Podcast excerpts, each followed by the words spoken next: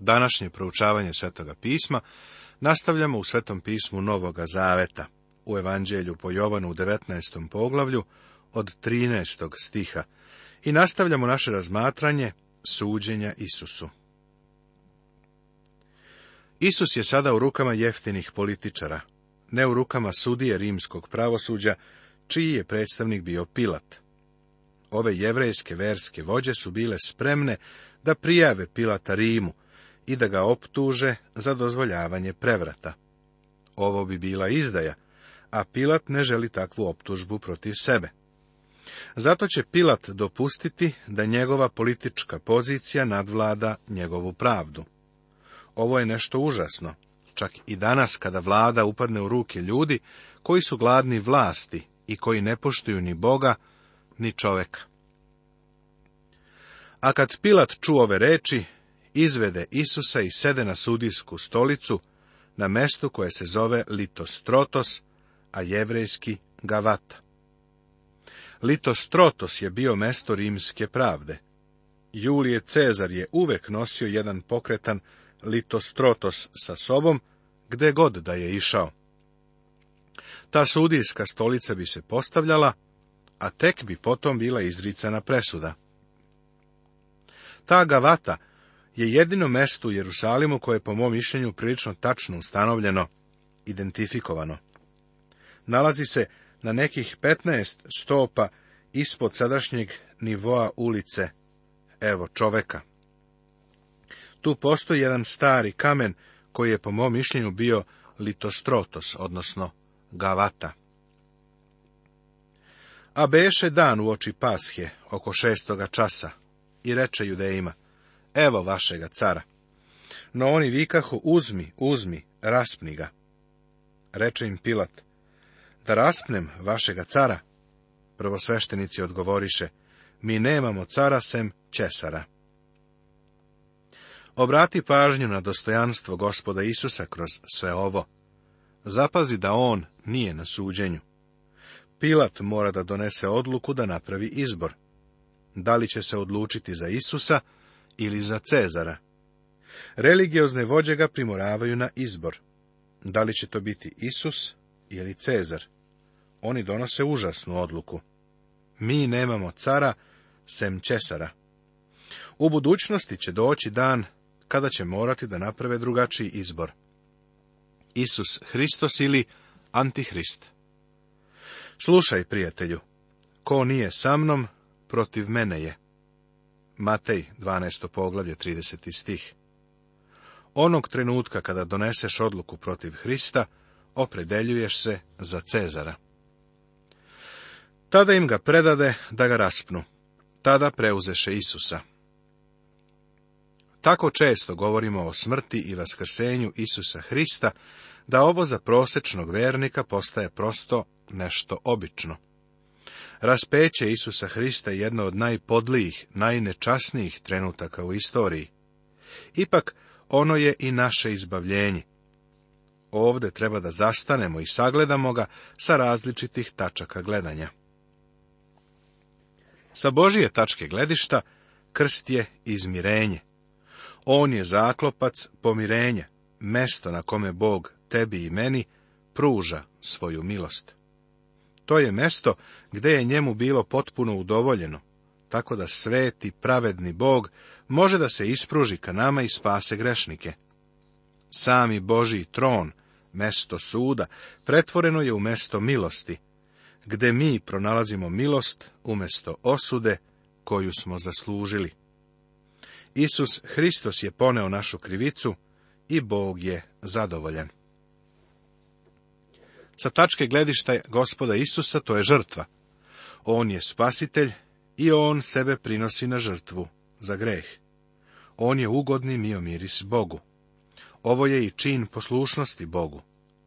Apostol Pavle nam u poslanici Filipljanima u drugom poglavlju u osmom stihu kaže da je Isus bio poslušan do smrti i to smrti na krstu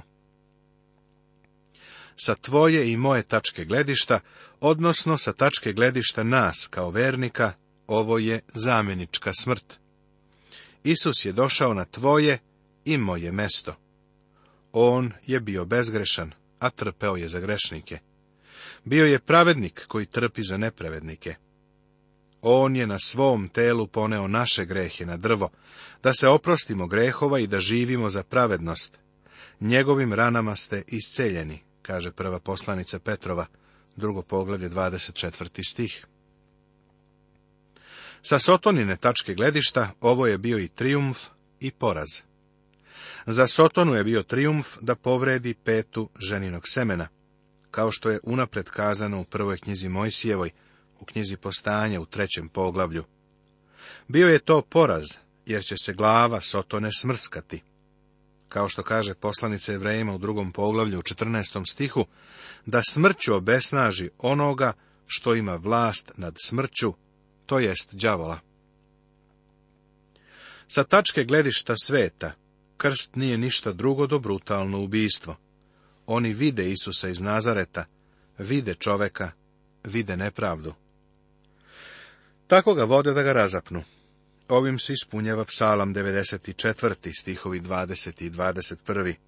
Edali će blizu tebe stati presto krvnički i onaj koji namišlja nasilje na suprot zakonu. On će im vratiti za bezakonje njihovo, za njihovu zloću istrebit će i gospod Bog naš.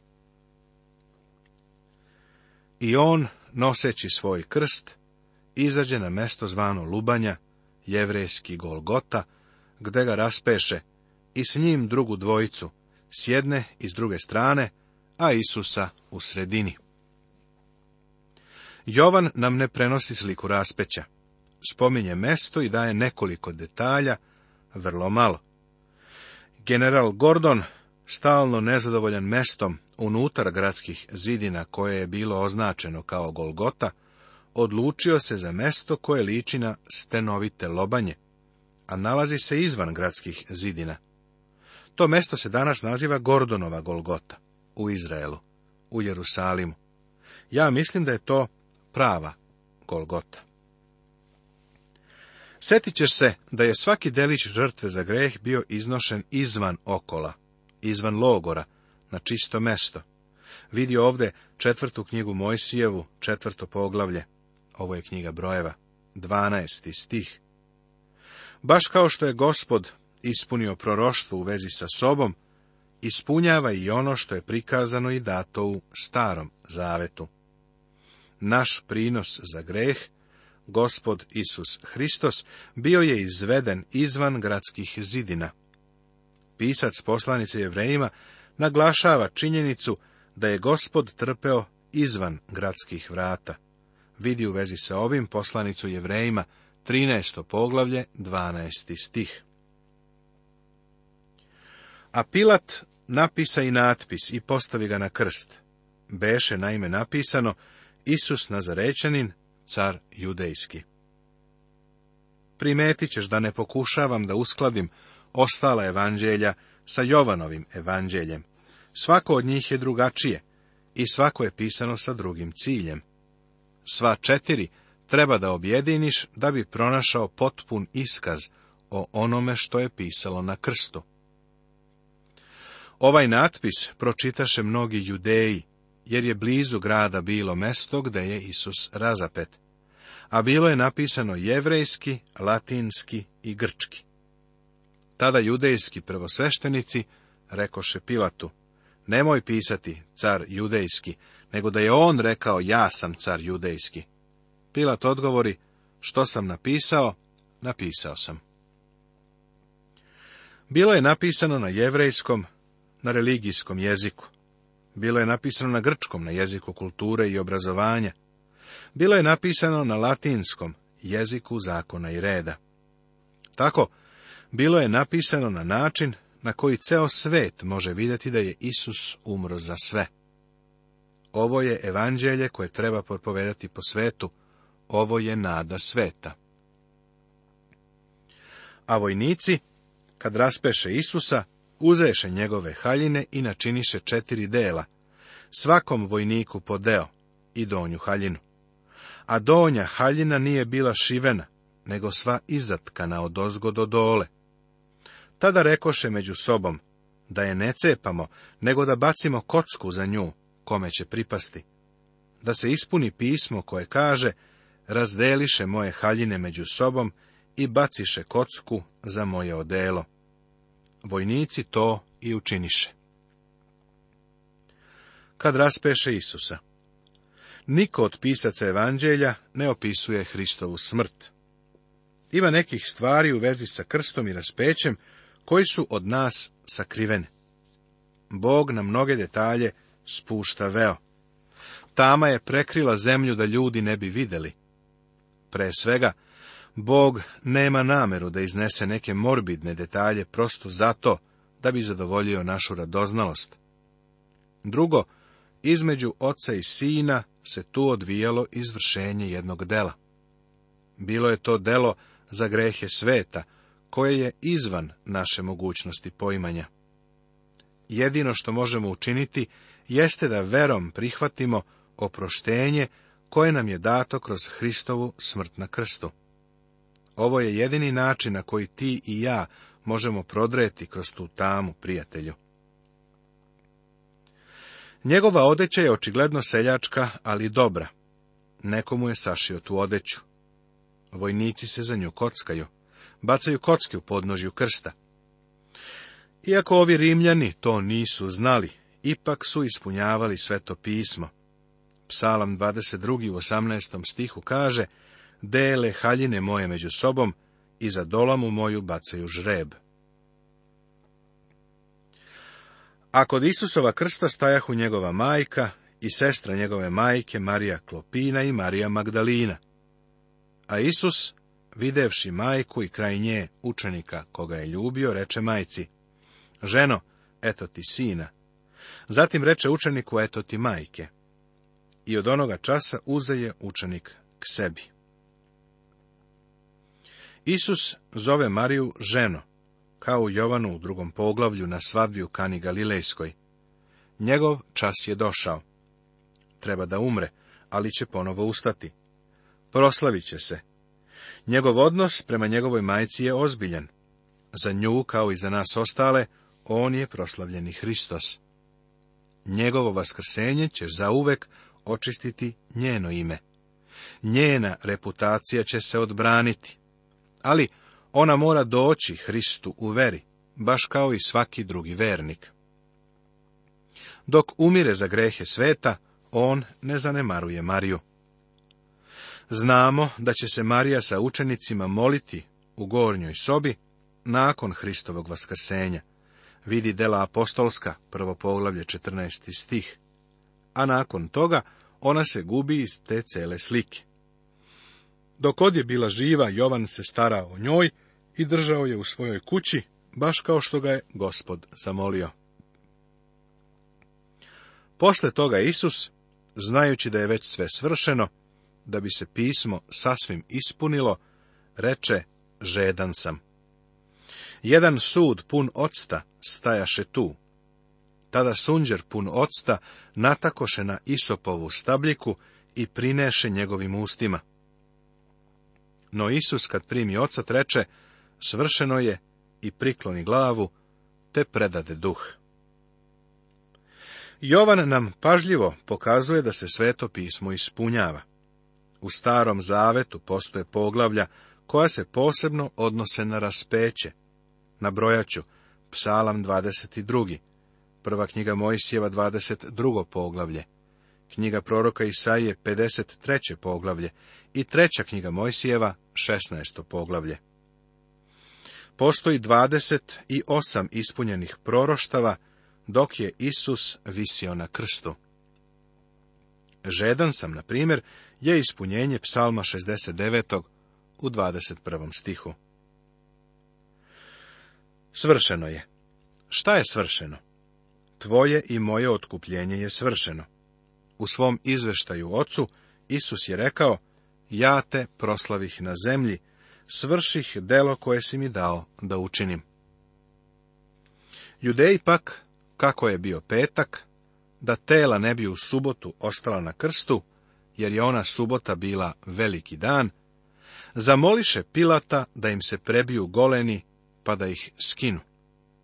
Tako dođoše vojnici i prebiše goleni prvome i drugome raspetom sa njim. A kada dođoše do Isusa i videše da je već umro, ne prebiše mu goleni, nego mu jedan od vojnika probode kopljem rebra i odmah poteče krv i voda. I očevidac je to posvedočio, te je istinito njegovo svedočanstvo. I on zna da govori istinu, da i vi verujete. Sve se ovo naime dogodilo da se ispuni pismo, njegova kost se neće prelomiti. I još, drugo pismo kaže, gledat će onoga koga su proboli. Prvo proroštvo koje Jovan spominje je ispunjeno. Kaže, čuva gospod sve kosti njegove, nijedna se od njih neće slomiti. Psalam 34. u 20. stihu. Drugo još uvek čeka na ispunjenje i pogledat će na mene, kojega probodoše, i plakaće za njim kao za jedincem i će za njim kao za prvencem. Knjiga proroka Zaharije, 12. poglavlje, 10. stih. Isus je bio proboden. Taj deo se ispunio. Ali prorok Zaharija kaže da će se on vratiti, a kada dođe, onda će oni gledati onoga koga su proboli, pa će za njim žaliti. Pogreb u Josifovom grobu. Ovde se bavimo činjenicama, velikim istorijskim činjenicama evanđelja. Šta je evanđelje? Apostol Pavle ga za nas definiše.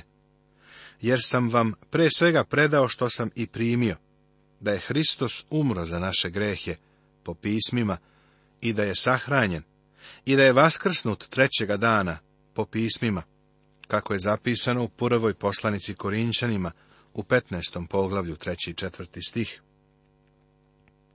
Ovo su centralne činjenice evanđelja. Naše spasenje se zasniva na odnosu prema ovim činjenicama i prema Isusu Hristu. Veruješ li u Hrista? Veruješ li u ono što je On za tebe učinio kada je umro na krstu? Veruješ li da je za tebe umro zameničkom, zastupničkom i skupljujućom smrću? Posle toga, Josif iz Arimateje, koji je bio Isusov učenik, ali tajni, zbog straha od judeja, zamoli Pilata da uzme Isusovo telo i dopusti Pilat. Tako dođe i uze njegovo telo. A dođe i Nikodim, koji mu je prvi put došao noću, te donese oko sto litara pomešane smirne i aloja. Tada uzeše Isusovo telo i obaviše ga platnenim zavojima sa mirisima, kako judeji obično sahranjuju. Ova dva čoveka koja su se postarala za Isusovo telo, obojica su istaknuti ljudi. Josif iz Arimateje je bogataš, a Nikodim je starešina judejski koji je Isusu došao noću. Obojice su bili tajni učenici, ali sada se po prvi put pojavljuju otvoreno. Nemojmo biti suviše kritički raspoloženi prema ovim ljudima. Bili su u pozadini, ali sada kada su se svi gospodnji učenici razbežali kao ovce i otišli u zaklon, ova dva čoveka izlaze na otvoreno. Pošto su Izraelci živeli u Egiptu, neki veruju da su baš oni usavršili metod balzamovanja koji su koristili Egipćani. Dete Božije u starom zavetu, baš kao i u novom, uvek je verovalo da će telo ponovo ustati. Posejano je u propadljivost, ali će ponovo ustati u nepropadljivost. Posejano je u slabosti, ali će se podići u sili. Biće to proslavljeno telo. Iz tog razloga dete Božije poštuje telo i stara se o njemu. Običaj je bio da se koristi otprilike polovina telesne težine mirisa. Tako, pretpostavimo da je gospod bio težak oko 90 kilograma. Telo su pripremili tako što su ga trljali mirom i alojom, a zatim ga uvijeli u lanene zavoje.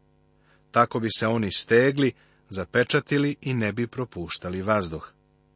Umotavanje je započinjalo od prsta, zatim su se svi prsti uvijali, pa potom šaka, pa ruka i onda celo telo. Drugim rečima, gospodnje telo su umotavali kao mumiju. Jovan posebno spominje da su umotali telo platnenim zavojima sa mirisima, jer je za njega ovaj detalj vrlo važan. Seti se da je na dan Vaskrsenja, ujutru, kada je Jovan video da tamo leži platno, a da tela nema, da je tada Jovan razumeo da se desilo Vaskrsenje. Tada je i verovao. A kod mesta gde je bio raspet, bio je jedan vrt, i u vrtu nov grob, u kome još niko nije bio sahranjen. Pošto je ovaj grob bio blizu, zbog judejskog petka, sahraniše tu Isusa morali su da požure zbog pashe koja se približavala. Ovim se objašnjava zašto su žene donele još mirise i planirale da se postaraju za gospodnje telo nakon prazničnih dana. Ovo nas dalje odvodi u sljedeće slavno poglavlje.